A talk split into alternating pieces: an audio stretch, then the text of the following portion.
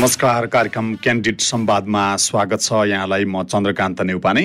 समसामयिक विषयवस्तुमाथि चर्चा छलफल र बहस गरिने कार्यक्रम क्यान्डिड डिबेट यहाँले रेडियो क्यान्डिड बयानब्बे दशमलव सात मेगाहज दरबार मार्ग काठमाडौँ र यस आसपासका जिल्लामा सुन्न सक्नुहुन्छ। त्यसै गरी यहाँले खबर अब एप्समा पनि हामीलाई भेटाउन सक्नुहुन्छ भने यहाँले हाम्रो पात्रो एप्समा रेडियो क्यान्डिड पनि भेटाउन सक्नुहुन्छ। श्रोता समसामयिक विषयवस्तुमाथि चर्चा छलफल र बहस गर्ने कार्यक्रममा हामी विविध विषयवस्तुहरूमाथि चर्चा गरिरहेका छौँ। नेपालको पोलिटिकल अहिलेको अवस्था सामाजिक अवस्था यहाँको आर्थिक राजनैतिक विविध विषयवस्तुमाथि चर्चा गर्ने क्रममा पछिल्लो समय हामी आसन्न चुनाव केन्द्रित कार्यक्रमहरू पनि गरिरहेका छौँ। यसै सन्दर्भमा आज हामी नेपालको वर्तमान राजनीतिक अवस्था र आगामी मङ्सिर चार गते हुने चुनावलाई केन्द्रमा राखेर कार्यक्रम प्रस्तुत गर्दैछौँ। र अहिले विभिन्न आयामहरू चाहिँ छन् विभिन्न अभियानहरू चलिरहेका छन्।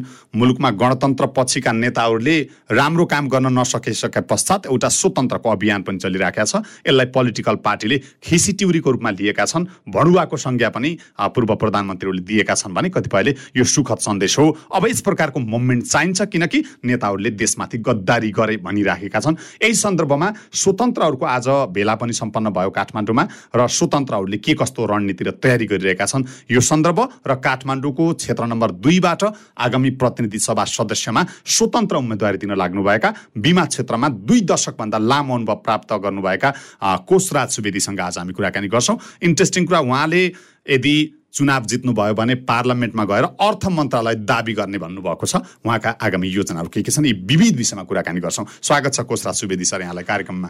नमस्कार धन्यवाद चन्द्रजी। तपाईँले आज यो प्लेटफर्म प्रदान गर्नुभयो। त्यसको लागि आभार व्यक्त गर्दछु। अनि के छ हालखबर? अब चुनावमा उम्मेदवारी घोषणा यहाँले करिब करिब एक महिना अगाडि गर्नुभयो। आज तपाईँहरूको स्वतन्त्रहरूको एउटा बेला पनि सम्पन्न भयो। के छ? आज के कुराकानी भयो आज? मैले मेरो स्वतन्त्र उम्मेदवारी असारको सात गते नै घोषणा गरिसकेको छु। म अब यो आउने मङ्सिरमा हुने निर्वाचनको लागि मेरो प्लानिङ चाहिँ डेढ वर्ष अगाडिदेखिकै गरिरहेको थिएँ र मैले मेरो टाइममै घोषणा गरिरहेको छु र म मेरो आफ्नो प्लानिङमा पनि लागिरहेको छु। आज चाहिँ स्वतन्त्र र साना दलका सम्पूर्ण साथीभाइहरूले चाहिँ एउटै चुनाव चिन्हको कार्यक्रम घोषणा गर्नुभएको छ होइन? त्यसमा अब डिटेल इन्फर्मेसन त बेलुकासम्ममा पाइएला म पनि कार्यक्रममा उपस्थिति नै हुने मौका त मिलेन। तर साना दल र समग्र स्वतन्त्रहरूले चाहिँ नेपालभरि नै एउटै चुनाव चिन्ह युज गर्ने भन्ने चाहिँ सल्लाह लगभग लगभग डिक्लेयर भएको छ। अब हामीले सुनेको लौरो चुनाव चिन्ह जो स्थानीय तहमा प्रचलित भयो र अब लौरो भयो भने चाहिँ उम्मेदवारहरू जस्ता भने लौराले जित्छ कि क्या हो भन्ने मनोविज्ञानले लौरो आयो अथवा यो के हो? लौरोको विषयमा चाहिँ लौरोमा नै चाहिँ चुनाव चिन्हमा तपाईँहरू छलफल गर्नुको अर्थ के हो? लौरो एउटा सेन्टिमेन्ट भएर आइसकेको छ होइन? लौरो चाहिँ स्वतन्त्रको प्रतीकको रूपमा आएको कारणले गर्दाखेरि लौरोलाई चाहिँ क्याम्पिन गर्न खोजेको अब यो लौरो नै भएर जान पनि सक्छ अथवा अर्को पनि हुनसक्छ तर मान्छेको आशा र स्वतन्त्रहरूको विश्वास चाहिँ लौरोमा देखिन्छ। अनि लौरो चुनाव चिन्ह त निर्वाचन आयोगले दिने होला नि। तपाईँहरूको मनोविज्ञान तपाईँहरूले यो उठाउनु भयो भनेर दिन्छ। लौरो चाहिँ हाम्रै साथीभाइहरूले काहीँ बुक गरेर राखेको अवस्था छ। ए। होइन? बुक गरेको कारणले गर्दाखेरि अब उहाँहरूले चाहिँ स्वतन्त्र जतिलाई समेटेर लौरो चिन्ह दिने भनेर उहाँहरूले मनसाय व्यक्त गर्नुभएको। त्यो मनसाय अनुसारै आज कार्यक्रम पनि भयो उहाँहरूको होइन? उहाँहरू प्रत्येक एक सय पैँसठी ठाउँकै स्वतन्त्र उम्मेद्वारलाई लौरो चिन्ह दिन चाहिँ तयार हुनुहुन्छ। त्यो कारणले त्यो सुरक्षित छ। ओके अब तपाईँ काठमाडौँबाट प्रतिनिधित्व गर्ने हुनाले म समग्र काठमाडौँको पिक्चरको बारेमा तपाईँसँग अलिकति केही कुराहरू जान्न खोजेँ। जस्तो काठमाडौँमा रहेका क्षेत्रहरूमा कहाँ कहाँ चाहिँ स्वतन्त्र उम्मेदवारी दिने छलफल भयो? काठमाडौँमा अभियसली अब दसवटा क्षेत्रमध्ये दसा दसैँवटा क्षेत्रमा प्रत्याशीहरू हुनुहुन्छ। ललितपुरमा तिनवटा मध्ये तिनै ठाउँमा हुनुहुन्छ। भक्तपुरमा दुईवटा छ दुवै ठाउँमा हुनुहुन्छ। अलमोस्ट हामीलाई पन्ध्रजना स्वतन्त्र उम्मेद्वार चाहिँदै गर्दा चालिसभन्दा बढी स्वतन्त्रहरू अहिले हामीसँग सम्पर्कमै हुनुहुन्छ। अब यसै भन्न सकिँदैन सबैको कुराहरू अहिले तर मेरो चाहिँ उम्मेदवारी दुई नम्बरमा हो। मैले दुई नम्बरलाई नै फोकस गर्न चाहन्छु। मैले आफ्नो प्लानिङ पनि इन्डिभिजुअल रूपमा त्यसरी नै गरिसकेको छु। लगभग एक महिनादेखि हामी अहिले फिल्डमै छौँ। आफ्नो डाटा एनालाइसिसदेखि लिएर कस्तो रणनीति बनाउने र त्यहाँका त्यहाँका मतदाताहरूको चाहना के छ त्यसमा पनि हामी चाहिँ होमवर्क गरिरहेका छौँ। अब हेभी वेट नेता जो माधव कुमार नेपाल पूर्व प्रधानमन्त्री बनिसक्नुभएका अहिले एकीकृत समाजवादीका अध्यक्ष हुनुहुन्छ। यसभन्दा अगाडि माओवादीका जक्कु प्रसाद सुवेदीले त्यहाँ जित्नु भएको थियो होइन? अब यति हेभी वेट नेताको क्षेत्रमा तपाईँलाई चाहिँ चुनावमा उठ्छु भन्ने हिम्मत कसरी आयो? अथवा एउटा चर्चा बटुल्नको लागि र अनुभव लिनको लागि तपाईँले हिम्मत गर्नुभयो? अब नेता को उठिरहेको छ पहिला को छ भन्ने कुरामा मैले त्यति ध्यान दिएको छैन होइन? अभियसली त्यहाँनिर माधव कुमार नेपालज्यू हुनुहुन्छ नै। तर मैले उहाँलाई वेटको हो कि बेवेटको हो त्यसरी लिएको छुइनँ। म आफ्नो एउटा क्यान्डिडेट हो उहाँ पनि एउटा क्यान्डिडेट हो। मैले मेरो एजेन्डाहरू लिएर जाने हो उहाँले आफ्नो एजेन्डाहरू लिएर जाने हो। जनताले कसलाई रुचाउँछन् भन्ने कुरा चाहिँ मङ्सिर चार गतेले देखाउने कुरा भएर जित्ने लक्ष्य साथ मेरो प्लानिङ छ म जित्ने हो म देश विकासको लागि देश निर्माणको लागि आहुति दिएर आएको छु। म करप्सन विरुद्धको अभियानमा आएको छु। म देश बगा बनाउने अभियानमा आएको छु। म यो यो पल्टको उम्मेदवारी मात्रै होइन। देशलाई कसरी बनाउन सकिन्छ भनेर मैले पच्चिस वर्षको भिजनसहित म आइसकेको छु। म चाँडै मेरो वेबसाइट मार्फत W W W Kosraj dot com dot NP मैले चाँडै लन्च गर्दैछु। पच्चिस वर्षमा नेपाललाई कहाँ पुर्याउन सकिन्छ भन्ने प्लानिङ तपाईँहरूले त्यहाँ देख्न पाउनुहुन्छ। धेरै हामी यस्ता उम्मेद्वारहरूको विभिन्न एक्टिभिटी देख्दा यो बार्गेनिङ हुने रहेछ क्या? स्वतन्त्र उम्मेदवारी अथवा पार्टीबाट चाहिँ विद्रोह गरिसकेपछि एउटा बार्गेनिङ गर्ने त्यो कुराकानी मिल्यो भने लास्टली अल्टिमेटली चाहिँ फेरि ब्याक हुने पनि रहेछ होइन? त्यो सोच त होइन नि तपाईँको? म कुनै पनि पार्टीमा आबद्ध छैन र म हुने पनि छैन। र म एकदमै विशुद्ध। तपाईँले मलाई एनालाइसिस गर्न सक्नुहुन्छ। म विशुद्ध स्वतन्त्र हुँ। स्वतन्त्र नै हुन्छु र मेरो ब्याक भन्ने शब्द चाहिँ छैन। ब्याक भन्ने शब्द नभएको कारणले म फन्डमै छु। तर यो मैले मैले सोधेको प्रश्नमा त त्यो चाहिँ छ नि मान्छे बार्गेनिङ गर्छ होइन? अन्तिमतिर आफ्नो चोचो मोचो मिल्यो भने चाहिँ ब्याक हुने चलन पनि छ। त्यस्तो पनि हो कि भनेर अब यस्तो धेरै खालका मान्छेहरू उठिरहेछन्। स्वतन्त्रको एउटा हुइमको कारणले गर्दाखेरि बार्गेनिङ तपाईँले भने जस्तो नहुने होइन। तर हामीले उठाउने अहिले पन्ध्रजना मिल्ने कुराहरूमा पनि ती मान्छेहरू चाहिँ नपरुन् भन्ने कुरामा हामी एक्सर्साइज गरिरहेका छौँ मेन चाहिँ। तपाईँको एजेन्डामा म आउँछु। अब पूर्व प्रधानमन्त्री केपी शर्मा ओलीले जुन स्वतन्त्रहरूको अहिले लहर चलिरहेछ यिनीहरू देश भणुवाहरू हुन्। यिनीहरूसँग कुनै चाहिँ देश विकास गर्ने एजेन्डा छैन होइन? यो चाहिँ गलत बाटो हो भनेर चाहिँ सार्वजनिक कार्यक्रममा भन्नुभयो नि। तपाईँ स्वतन्त्र उठ्दै गर्दा त्यो भनाइले तपाईँको दिलमा चाहिँ चोट पुर्यायो कि पुऱ्याएन होइन बाले त्यो कुरा भन्नुभयो होइन? उहाँलाई के लागेको छ थाहा छैन होइन? देश बनाउने नेपाली जनताले हो। र अहिले भइरहेको पार्टी सिस्टमबाट चाहिँ देश बन्ने देखिएन। त्यो भएको कारणले स्वतन्त्रको एउटा हुइम आएको छ। बेस बनाउने युवालाई यदि जनताले चुन्न सक्यो भने उहाँको त्यो ओड चाहिँ उहाँले आफै ब्याक लिनुपर्ने हुन्छ। मैले अहिले केही भनिराख्नु पर्दैन। कोशराज सुवेदी यसभन्दा अगाडि पनि तपाईँ उठ्न सक्नुहुन्थ्यो तर चाहिँ उठ्नु भएन। स्थानीय तहको चुनावमा अलिकति स्वतन्त्र उम्मेद्वारहरू अलिकति हाबी भइसकेपछि ए यो पालो ए यो वातावरण यो हावाले कतै हामीलाई पनि चाहिँ क्याच गर्ने हो कि भनेर उठ्नु भएको त होइन। यस्तो त मेरो प्लानिङ म बिस वर्ष जति एउटा इन्डस्ट्रीमा काम गरेँ जुन फाइनेन्सियल इन्डस्ट्री नै हो म इन्डस्ट्रीबाट जागिरमा छोडेर यो प्लानिङमा आएको थिएँ होइन? मेरो चाहिँ अब स्थायी बसोबास झापा पर्यो झापाको गौराद नगरपालिका नौ। मैले स्थानीय चुनावमा काठमाडौँबाट उठ्ने मेरो अहिले नाउँली थिएन। म झापामा गएर अहिले तत्काल उठिसक्ने अवस्था पनि थिएन। मैले त्यो कारणले म ब्याक भएको। फेरि मलाई कस्तो छ भने म नीति निर्माण तहमा जान चाहन्छु। म चाहिँ अफिसियल जागिरको जस्तो पोस्टमा मैले टाइम दिन नसक्ने भएको कारणले मैले तपाईँलाई के के डिक्लेयर गर्न चाहन्छु भने म मेरो रोजगारीको लागि पोलिटिक्समा आइरहेको छैन। म मेरो दाल भात खाने मेरो आफ्नै प्लेटफर्महरू छ म विशुद्ध सेवा गर्ने हिसाबले मात्रै आएको कारणले गर्दाखेरि मैले अहिले स्थानीय तहमा चाहिँ जाने अवस्था मेरो थिएन। ओके अब म तपाईँका एजेन्डामा आउँछु। यत्र बेर अलिकति हामी यो अहिलेको जे परिस्थिति हो त्यसमा केन्द्रित भयौँ। अब एउटा एजेन्डा लिएर तपाईँ हिँड्दै हुनु होला एउटा पिक्चर होला तपाईँसँग एउटा विकासको अझ क्षेत्र नम्बर दुई भन्नुभएको छ काठमाडौँको होइन? अझ भोलि चाहिँ पार्लियामेन्टमा गयो भने म अर्थ मन्त्रालय माग्छु पनि भन्नुभएको छ। एउटा एजेन्डा एउटा लक्ष्य बोकेर त हिँड्नुभयो होला नि। समग्र क्षेत्र नम्बर दुईको स्थिति र तपाईँले उठाएका एजेन्डाहरू चाहिँ के के हो? सुनाइदिनुहोस् हाम्रा श्रोताहरूलाई। स्थानीय लेभलको कुरा गर्नुपर्दा काठमाडौँको सबैभन्दा ठुलो क्षेत्रमा क्षेत्र नम्बर दुई पनि पर्छ र विकटको हिसाबले हेर्ने भने तपाईँको सबैभन्दा विकट काठमाडौँसँग जोडिएको भएर पनि सबैभन्दा विकट स्थितिमा छ। अब यसको क्षेत्र वाइज कुरा गर्नुपर्दाखेरि काठमाडौँ महानगरपालिकाको दुईवटा वडा जुन नौ र बत्तिस छ। कागेश्वरी मनराको चार पाँच छ सात आठ नौ छ र शङ्खरपुरा पुरै पर्छ। भनेको शङ्खरपुरा चाहिँ नाङ्ले भारेसम्म र उता सिन्धुपाल्चोकसम्म जोडिएको विकट नै हो। त्यो भएको कारणले यदि मैले स्थानीय लेभलको विकास गर्नु पर्यो सहयोग गर्नु पर्यो स्थानीय नेतालाई भने सबैभन्दा विकास गर्न खाली ठाउँ नै दुई नम्बर क्षेत्र छ। त्यो भएर मैले रोजेँ। तर म जाँदै गर्न त नीति निर्माणको तहमा जाने हो। तर मैले नीति निर्माणको तहमा जाँदै गर्दाखेरि आफ्ना जनतालाई चाहिँ नहेर्ने भन्ने कुरा होइन। र नेपालमा मैले जुन एउटा लेभलको काम गरेर देखाउन पाउने ठाउँ चाहिँ दुई नम्बर भएको कारणले र सबैभन्दा अप्ठ्यारो ठाउँ दुई नम्बर भएको कारणले पनि मैले दुई नम्बर चाहिँ रोजेको छु। ओके अब दुई नम्बरलाई तपाईँले विकास गर्नुभयो भने कुन तवरबाट विकास गर्नुहुन्छ? के गर्यो भने दुई नम्बर तपाईँले भने जस्तो अहिले नभएको दुई नम्बर माथि चाहिँ राइज हुन्छ। तपाईँको एजेन्डा होला नि। मैले तपाईँलाई एउटा इक्जाम्पल मात्रै दिन चाहन्छु। नेपालमा एउटा डिजिटल पार्क सहितको व्यवस्था गर्नु पर्यो भने काठमाडौँमा दुई नम्बर बाहेक अन्त ठाउँै छैन। किनभने ठाउँ पनि त चाहियो नि त हामीलाई। डिजिटल पार्क बनाउँदाखेरि हामीले त्यो खालको व्यवस्था गर्नको लागि हामीले धेरै रिसर्च गरेर मसँग एक्सपर्टहरूको टिम छ। हामीसँग बाह्र पन्ध्रजना एक्सपर्टहरूको टिम छ। जो ट्युबाट तिसौँ वर्ष आफ्नो प्रोफेसनबाट रिटायर हुनुभएको छ राष्ट्र ब्याङ्कबाट रिटायर हुनुभएको छ। मैले दुईजना सिए राखेको छु। हाम्रो टिममा इन्जिनियरको टिम छ एमबिए गरेका भाइ बहिनीहरूको टिम छ। भनेको यो मैले मात्रै मेरो डाटाबेस प्रस्तुत गरिरहेको छैन। एक्सपर्ट सहित राखेर हामीले चाहिँ दुई नम्बर क्षेत्रमा भोलिको स्थानीय तहमा पनि हेल्प गर्न सक्छौँ र देश निर्माणको लागि पनि हामीसँग धेरै ठुलो प्लानिङहरू चाहिँ छ। जस्तै एउटा त त्यो भइगयो अरू के के छ? अरू सामाजिक जीवन स्तर उकास्ने कुरा रोजगारी सिर्जना गर्ने कुरा होइन यहाँका अहिलेको यसलाई चाहिँ अलिकति मोडर्निजममा लैजाने कुरा त्यो एउटा डिजिटल पार्क त एउटा विषय भयो। तर पार्कले यहाँका सबै समुदायको चाहिँ विभिन्न विषयवस्तु त समेट्न सकेका छैन नि? मेरो मेन मुद्दा भनेको पेट्रोलियम पदार्थको विस्थापन पनि हो।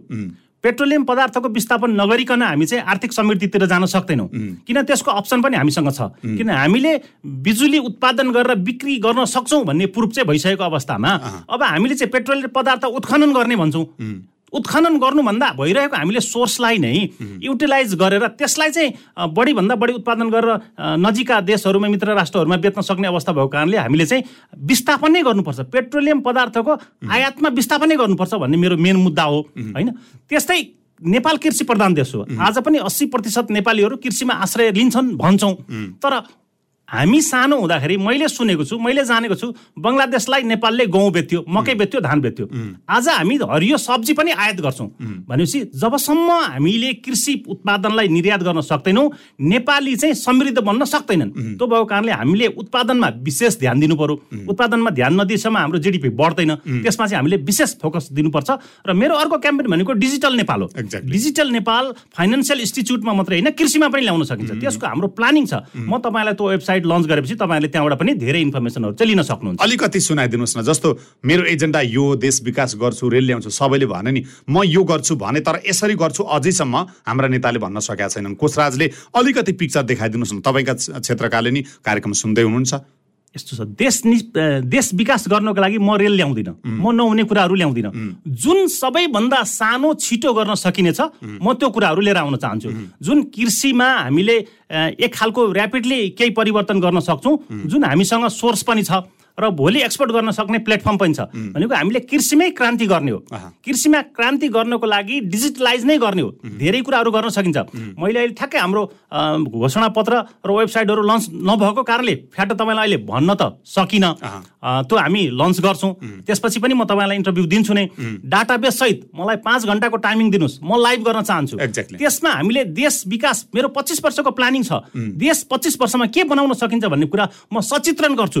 र मेरा जनताले यदि मलाई पच्चिस वर्षको प्लानिङ सहित पहिलो पाँच वर्षको लागि विश्वास गर्नुहुन्छ भने म प्रुभ गरेर देखाउँछु। भनेको त्यही भएर तपाईँले अर्थ मन्त्रालय यदि पार्लियामेन्टमा म गएँ भने मैले अर्थ मन्त्रालय माग्छु भन्नुको अर्थ तपाईँसँग त्यो विज्ञता छ। मैले त्यही प्रकारको मोडालिटीमा देशलाई लैजान्छु भन्ने हो। आज देशमा अप्ठ्यारो परेको भनेको मन्त्रालय अर्थ मन्त्रालय होइन?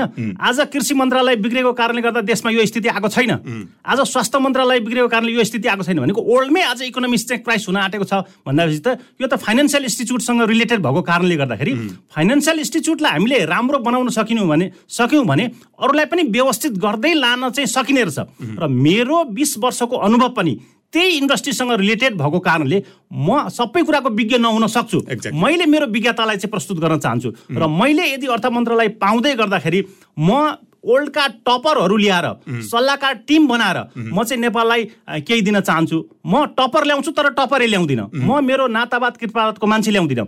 म मेरो तिन पुस्ता चिनेको मान्छे ल्याउँदिनँ। म किनभने देश निर्माणको लागि आएको छु देश बनाउन आएको छु र देश बनाउनको लागि कुन लेभलको एक्सपोर्ट हामीले ल्याउनुपर्छ म त्यो हायर गर्न चाहन्छु। र पाँच वर्षमा प्रुभ गरिनँ भने म पोलिटिक्सबाट सन्यास पनि लिन चाहन्छु र पहिलो पाँच वर्ष मलाई परीक्षण गर्ने टाइम चाहिँ मेरो जनताले दिनुहुन्छ भन्ने मैले सोचेको छु। भनेको त्यो ठुलै भिजन सहित तपाईँ आउनु भएको छ अगाडि। एकदमै क्लियर भिजन छ। मेरो पुरा भिजन यदि लाइभ गर्न चाहनुहुन्छ भने पाँच घन्टा जति हामी बसौँ लाइभ गरौँ मेरो पुरै प्रोजेक्टहरू हेरौँ। पच्चिस वर्षको प्लानिङमा कसरी काम गर्न सकिन्छ भने म प्रेजेन्टेसन दिन तयार छु। अब अहिले नेपालको तपाईँ इकोनोमिक क्षेत्रमा अलिकति काम गरेको र आर्थिक क्षेत्रमा तपाईँको विज्ञता भएको हुनाले अलिकति यही सोधिहालौँ। जस्तो अहिले मुलुकको अहिलेको स्थिति हेऱ्यो भने अहिले हाम्रा चाहिँ अर्थ क्षेत्रका इन्डिकेटरहरू चाहिँ ऋणात्मक छन् तिनी माइनसमा छन् अगाडि जान सकेन हाम्रो मुलुकको जिडिपी लगायत। सबै कुरामा हामी चाहिँ फेल भयौँ भन्दै गर्दा तपाईँले चाहिँ नेपालको अहिलेको आर्थिक स्थितिलाई कसरी मूल्याङ्कन गर्नुभएको छ? मैले तपाईँलाई एउटै ओडमा के भन्न चाहन्छु भने अर्थतन्त्रमा धमिरा लागिरहेछ। खालि धमिराको अन्त गरौँ नेपाल आफै समृद्ध हुन्छ। सठिकमा मैले तपाईँलाई यति भने। कसले लगायो यो धमिरा? धमिरा यसैले लगायो भनेर हामीले एउटा ओडमा भन्न सक्दैनौँ। धमिरा होला हामी पनि छौँ होला। तिन करोड बयानब्बे लाख नेपाली मध्ये केही हामी पनि छौँ होला।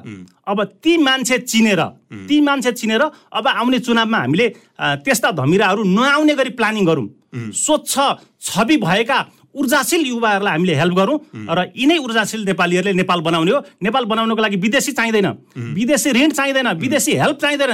नेपालीले नै नेपाल बनाउन सक्छन्। त्यो कुरामा म कन्फिडेन्स छु। म त्यो प्लानिङ तपाईँलाई देखाउन चाहन्छु। अब जस्तो अहिले हाम्रो नेपालको यो आर्थिक क्षेत्र बिग्रनुमा हाम्रा मन्त्री त्यो लेभलको एजुकेटेड भएनन् कि गभर्नरहरू त्यो प्रकारको भएनन् कि राष्ट्रिय योजना आयोगमा हाम्रो चाहिँ नीति निर्माण पोलिसीहरू बनाउने मान्छेहरू त्यो लेभलका भएनन् कि। अब तपाईँहरू यतिको चुनावमा उठ्ने र दुई दशकसम्म बिमा क्षेत्र लगायत धेरैमा काम गरेको हुनाले कहाँनिर त्रुटि देख्नु भएको छ? अब यो त्रुटि त जनता समक्ष लैजाने होला नि तपाईँहरूले। यस्तो छ सबै मान्छे सबै कुरामा विज्ञ हुन्छ भन्ने कुरा छैन। तर विज्ञ भएको व्यक्तिले हामीले राख्न सक्नु पर्यो। हामी चाहिँ विज्ञ भएको व्यक्तिलाई राख्नुको सट्टा आफ्नो सालो राख्छौँ साली राख्छौँ भतिजी राख्छौँ बुवा राख्छौँ फुपाजु राख्छौँ त्यहाँबाट चाहिँ हाम्रो बिग्रेको। मेन चाहिँ नातावाद कृतपावादको कारणले बिग्रेको। हो अर्थतन्त्र यदि हामीले भइरहेका नेताहरूले पनि त्यो लेभलको एक्सपर्टाइज प्रयोग गरेको थियो भने नेपाल बिग्रिने थिएन। अहिलेसम्म केही भएको छैन। तर अब जनताले कुरो बुझेर यसलाई सच्याउन सकेनन् भने भोलि जे पनि हुनसक्छ। अब अहिले एउटा नो नट अगेन एउटा अभियान पनि चलिरहेको रहेछ। एउटा अभियान पूर्व प्रधानमन्त्रीहरूलाई हराउँ भन्ने अभियान पनि रहेछ एउटा चाहिँ बत्तिस वर्षको ठिटो त डडेलधुराबाट प्रधानमन्त्री शेरबहादुर देउवाको क्षेत्रमा उठ्छु भनेर हिँड्नु भए पनि रहेछ। यी विभिन्न अभियानहरू तपाईँहरूकै चाहिँ रणनीतिमा चल्या हुन् के हो? यस्तो छ।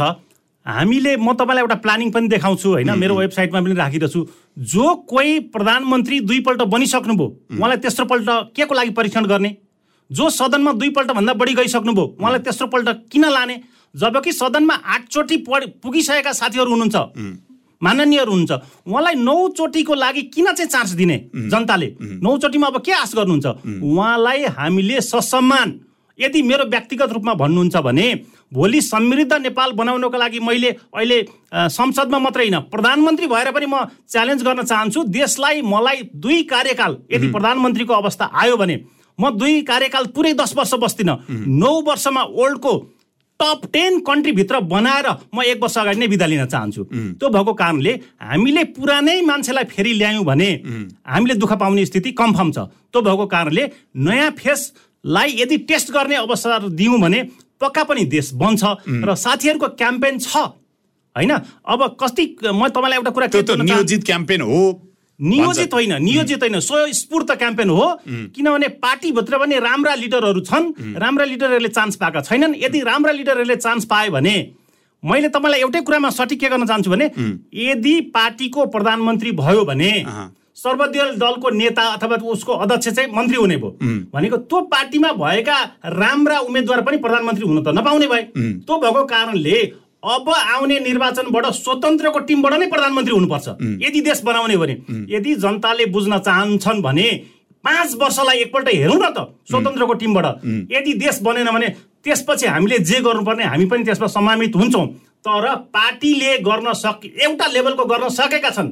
एउटा चित्र कोरेका छन्। जुन चित्रमा आकृति छैन। अब उहाँहरूले यो बिग्रेको चित्र झन् बिगार्नुहुन्छ। यदि यो चित्रलाई बनाउने भने स्वतन्त्रलाई चाहिँ यसपालि हामीले चान्स दिनुपर्छ। हावा कुरा हो मल्टी पार्टी डेमोक्रेसी सिस्टम भएका ठाउँमा दल बिना त यो मुलुक चल्न सक्दैन। यो चाहिँ हावा कुरा गरिरहेछन् भनेर ठुला नेताहरूले भनिरहेछन्। यो मेरो कुरा होइन। अहिलेका शीर्ष नेता पूर्व प्रधानमन्त्रीहरूले भनिरहेछन् दल बिना मुलुक चल्न सक्दैन। यो स्व- स्वतन्त्रले यो दलै चाहिँदैन नेता नै चाहिँदैन। हाम्रो योगदान छैन। हामीले गणतन्त्र ल्याउन कति लड्यौँ पञ्चायत विरुद्ध कति लड्यौँ होइन राणा शासन विरुद्ध कति लड्यौँ अहिले आएका फुच्चेहरू चाहिँ यसो गरेर हुन्छ भन्छु भन्नुहुन्छ मैले तपाईँलाई सोध्न चाहन्छु। नेपालमा कतिवटा दल छन्। नेपालमा बहुसङ्ख्यक दल छन्। कसरी भन्नुहुन्छ? सातवटा दलको त एउटै गठबन्धन छ।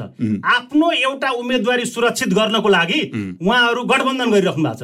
भनेको दल देख्नु भएको छ तपाईँले। भनेको विचार छैन दलको? विचार छैन निस्वार्थ छैन। उहाँहरूको त व्यक्तिगत भावना बगेको छ व्यक्तिगत स्वार्थ छ। दल भएको भए प्रत्येक पार्टी इन्डिभिजुअल रूपमा आउनुहोस् न। इन्डिभिजुअल रूपमा आउनुहोस् यदि उहाँहरूलाई त्यो हैसियत भएदेखि सबै पार्टीहरू इन्डिभिजुअल रूपमा आउँथे। किनभने मैले दल देखेको छुइनँ। अबको निर्वाचन पछाडि हेर्नुहोस् स्वतन्त्रलाई नै लिड गर्नुपर्छ। नयाँ जेनेरेसन आउनुपर्छ। नयाँ जेनेरेसन दलको पनि हुन सक्ला स्वतन्त्रबाट पनि हुन सक्ला तर नयाँ जेनेरेसनले चान्स पाएन भने देशले पनि हुनसक्छ। यसमा चाहिँ उमेरको विरोध हो कि यी नेताहरू चाहिँ पटक पटक गए अब यिनीहरू आउनु हुँदैन भन्ने हो तपाईँहरूको सोच हो युवा हुने हो कि व्यक्ति युवा हुने हो? यस्तो छ उमेरले केही गर्दैन। बयानब्बे वर्ष बयानब्बे वर्षको मान्छेमा पनि यदि इनर्जी छ र भिजन छ भने उसले गर्न सक्छ। खालि हाम्रो कन्सर्न कहाँनिर हो भने दुईपल्ट भन्दा माथि गइसकेका साथीहरूलाई हामीले तेस्रो पल्ट के को लागि लाँदैछौँ भन्ने कुरा चाहिँ क्वेसन मार्क हो सी जिनपिङ तपाईँको उनासी वर्ष हुनुभएको रहेछ पुटिन उनासी वर्ष मोदी चाहिँ त्रिहत्तर वर्षको हुनुभएको छ होइन? अब हाम्रो जो बाइडेन चाहिँ तपाईँको त्रिहत्तर वर्ष हुनुभएको रहेछ उहाँले मुलुक हाँक्नु भएको छ फेरि। मैले अघि नै भने मेरो मेरो उमेरसँग कुनै दुई मत छैन तर सोच भिजन हुनु पर्यो। यदि त्यो उमेरमा पनि उहाँहरू पहिलोचोटि हुनुहुन्छ भने यदि बयानब्बे वर्षको मान्छे प्रधानमन्त्री प्रधानमन्त्रीको लागि पहिलोचोटि आउनुहुन्छ भने हामीले चान्स दिने हो। तर भइरहेको जो प्रधानमन्त्री पाँचचोटि भइसक्नु भएको छ उहाँलाई छैटौँचोटि प्रधानमन्त्रीको लागि त कसरी चान्स दिने? तर अहिलेको सेनारियो हेर्दा त फेरि यिनै मान्छे दोहोरिने भयो नि त। त्यो दोहोरिन्छन् भन्ने कुरा होइन। अब जनता सजग छन् दोहोरिने चान्स कम छ। जनता सजग छन्? कसरी? जनताले एक लेभलको स्वतन्त्रलाई माया गर्न थालिसकेका छन्। भनेको युवालाई माया गर्न थालिसकेका छन्। स्वतन्त्र मात्रै नबनु युवालाई माया गर्न थालिसकेका छन् भनेर म सम्बोधन गर्न चाहन्छु। अब अहिले रवि लामी छाने देश दौडामा हुनुहुन्छ। अब रवि लामी छानेले स्वतन्त्र पार्टी निर्माण गर्नुभएको छ। उहाँको त पार्टी भयो तपाईँहरू चाहिँ फ्रिडम क्यान्डिडेट हुनुभयो होइन? अब यो अन- अब रवि लामी छानेसँग तपाईँहरूको सहकार्य चाहिँ हुने स्थिति के छ? हामीसँग जोडिएर आउने सबैलाई हामी वेलकम गर्न चाहन्छौँ मिलेर जान चाहन्छौँ। खालि भिजन क्लियर हुनु पर्यो। यदि तपाईँ दाल भात खानको लागि पोलिटिक्समा आउनुहुन्छ भने त्यो साथीहरू चाहिँ हामी समावित गर्न सक्दैनौँ। भनेको निस्वार्थ भावनाले देश बनाउन र देश विकासको लागि कोही आउँछ भने वेलकम छ। जोसकै। जोसुकै। पार्टीकै साथीहरू पनि यदि भिजन र मिसन छ पार्टीमा व्हिपको कारणले काम गर्न सकिन स्वतन्त्रबाट आउँछु भन्नुहुन्छ भने हामी उहाँलाई जितारै लिएर जान्छौँ र स्वागत पनि गर्छौँ। अब त्यो समूह छ तपाईँले भने जस्तो काङ्ग्रेसभित्र त्यो समूह छ एमालेभित्र समूह त्यो समूह छ तपाईँको माओवादीभित्र त्यो असन्तुष्ट समूह छ जस्तो तपाईँले चुनावी उम्मेद्वार घोषणा गरिसके पश्चात ती समूहहरूले तपाईँलाई होइन तपाईँ राम्रो क्यान्डिडेट हो तपाईँ गर्न सक्नुहुन्छ हामी तपाईँको पछाडि छौँ भनेर भनेका छन् कि छैनन्? यस्तो छ म पार्टीको पछि लागेको छुइनँ म जनताको पछि होइन होइन। जस्तो शुभ शुभचिन्तकहरूले त कोसा सुवेदी राम्रो छ भने हाम्रो सपोर्ट छ त भन्लान् नि त। होइन पार्टीको पार्टीको support पाउनु भएको छ? शीर्ष नेताहरूसँग मेरो भेटघाट छैन। अब कार्यकर्ताहरू साथीभाइहरूको रूपमा मलाई उहाँले हेल्प गरिराख्नु भएको छ। र प्रत्येक पार्टीका मान्छेले मलाई योपल्ट माया गर्नुहुन्छ सदनमा पुर्याउनुहुन्छ। म देशको लागि केही गर्न चाहन्छु। मैले मेरो पच्चिस वर्षको उमेर। अब म पोलिटिक्समा दिन चाहन्छु विशुद्ध रूपमा। यदि यो ट्रस्टलाई उहाँले क्यालकुलेसन गर्नुहुन्छ देशको लागि म लाग्छु। किनभने मेरो हातमा केही पनि छैन। मैले मेरो मिसन भिजन दिने हो। मैले देशको लागि लाग्ने हो। टेस्ट गर्ने भनेको जनताले हो। मलाई चान्स दिने भनेको जनताले हो। जनता नै सर्वसरी परि भएको कारणले गर्दाखेरि म जनता सामु जाने हो। जनतासँग माइनेट के अरे भिजन लिएर जाने हो मिसन लिएर जाने हो। प्रत्येक घर दैलोमा जान्छु। मैले यो पल्टको चुनावमा घोषणा पत्र लिएर जान्न। म यो पल्टको चुनावमा मेरा प्रत्येक जनसमुदायसँग म चुनावको लागि निमन्त्रणा पत्र लिएर जान्छु। चुनावमा भोट हाल्न आउनुहोस् भनेर म निम- निमन्त्रणा पत्र लिएर जान्छु। अनि मैले मेरो घरमा पूजाको प्रसाद खान मैले बोलाएँ भने प्रसाद चाहिँ पल्लो घरमा खान जान्छन् त। निमन्त्रणा लिएर म जान्छु र भोट पनि जनताले मलाई नै हाल्नुहुन्छ भन्ने कुरामा कन्फिडेन्स भनेको एउटा जित्ने तपाईँले एउटा बाटो मार्ग तपाईँले कोर्दै हुनु होला त्यहाँको सेनारियो बुझ्दा त्यहाँको सामाजिक आर्थिक स्थिति बुझ्दा मान्छेका चाहिँ सोचहरू बुझ्दा मान्छेको त्यो असन्तुष्टि प्रवृत्तिहरू देख्दा मैले चाहिँ चुनाव जित्छु भन्ने लाग्छ कि लाग्दैन? म चुनाव जित्छु। म तपाईँलाई भोटको संख्या सहित केही दिनमा म डिस्क्लोज गर्छु। मैले मेरो स्लोगनमा एउटा कुरा के राखेको छु भने सोचसँग समृद्धि। समृद्धि ल्याउनको लागि सोच्न जरुरी छ। मैले समृद्धिको नेपाल चाहिँ सोचिसकेको छु। त्यो भएको कारणले यो सोचलाई व्यवहारिक रूपमा परिचालन गर्नको लागि जनताले मलाई हेल्प गर्नुहुन्छ। अब एउटा प्रश्न उठ्छ।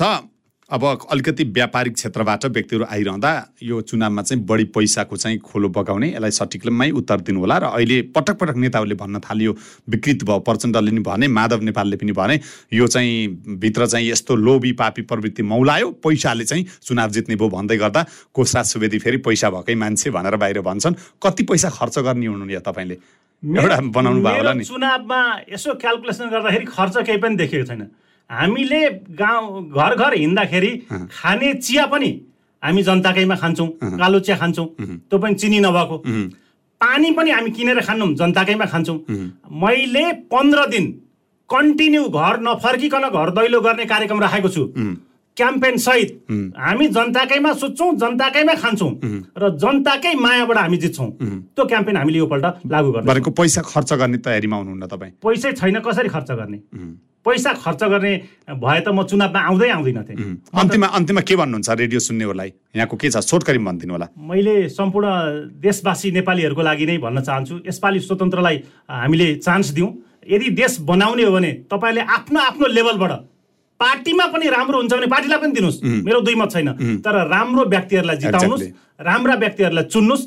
तपाईँले एक भोटले गर्दाखेरि देश विकास हुन सक्छ देश बन्न सक्छ देश समृद्ध हुन सक्छ र बौद्धिक व्यक्तिहरूलाई पलायन हुनबाट रोक्नको लागि पनि युवा चाहिँ जरुरी छ। भनेको हामीले चोकमा नेतालाई गाली गरेर हुँदैन पाँच वर्ष पछि आउने चुनाव हो हाम्रो चाहिँ परिवर्तन गर्ने। गाली कसैलाई गर्नु हुँदैन। अहिलेसम्म पोलिटिकल पार्टीले नै यहाँसम्म ल्याए। एक्ज्याक्टली होइन त्यसको हामीले सम्मान गर्ने हो।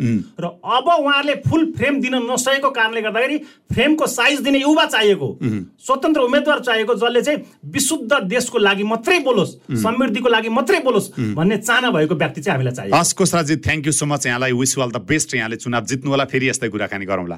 Thank you sir thank you so much हस् श्रोता यतिखेर हामीसँग कुराकानी गर्दै हुनुहुन्थ्यो। काठमाडौँ क्षेत्र नम्बर दुईबाट आगामी प्रतिनिधि सभा सदस्यको निर्वाचनमा चाहिँ स्वतन्त्र तर्फबाट उठ्ने भनेर घोषणा गर्नुभएका कुशराज सुवेदी उहाँसँग हामी उहाँको चाहिँ अहिले चुनावी तयारी कस्तो छ भन्ने सन्दर्भ लगायतका विविध विषयमा कुराकानी गऱ्यौँ। आजको कार्यक्रम यहाँलाई कस्तो लाग्यो? सुझाव सल्लाह प्रतिक्रिया दिन नभुल्नुहोला भन्दै कार्यक्रमबाट म प्रस्तुता चन्द्रकान्त नेउपाने पनि विदा भएँ। नमस्कार रेडियो क्यान्डिड सुन्दै गर्नुहोला।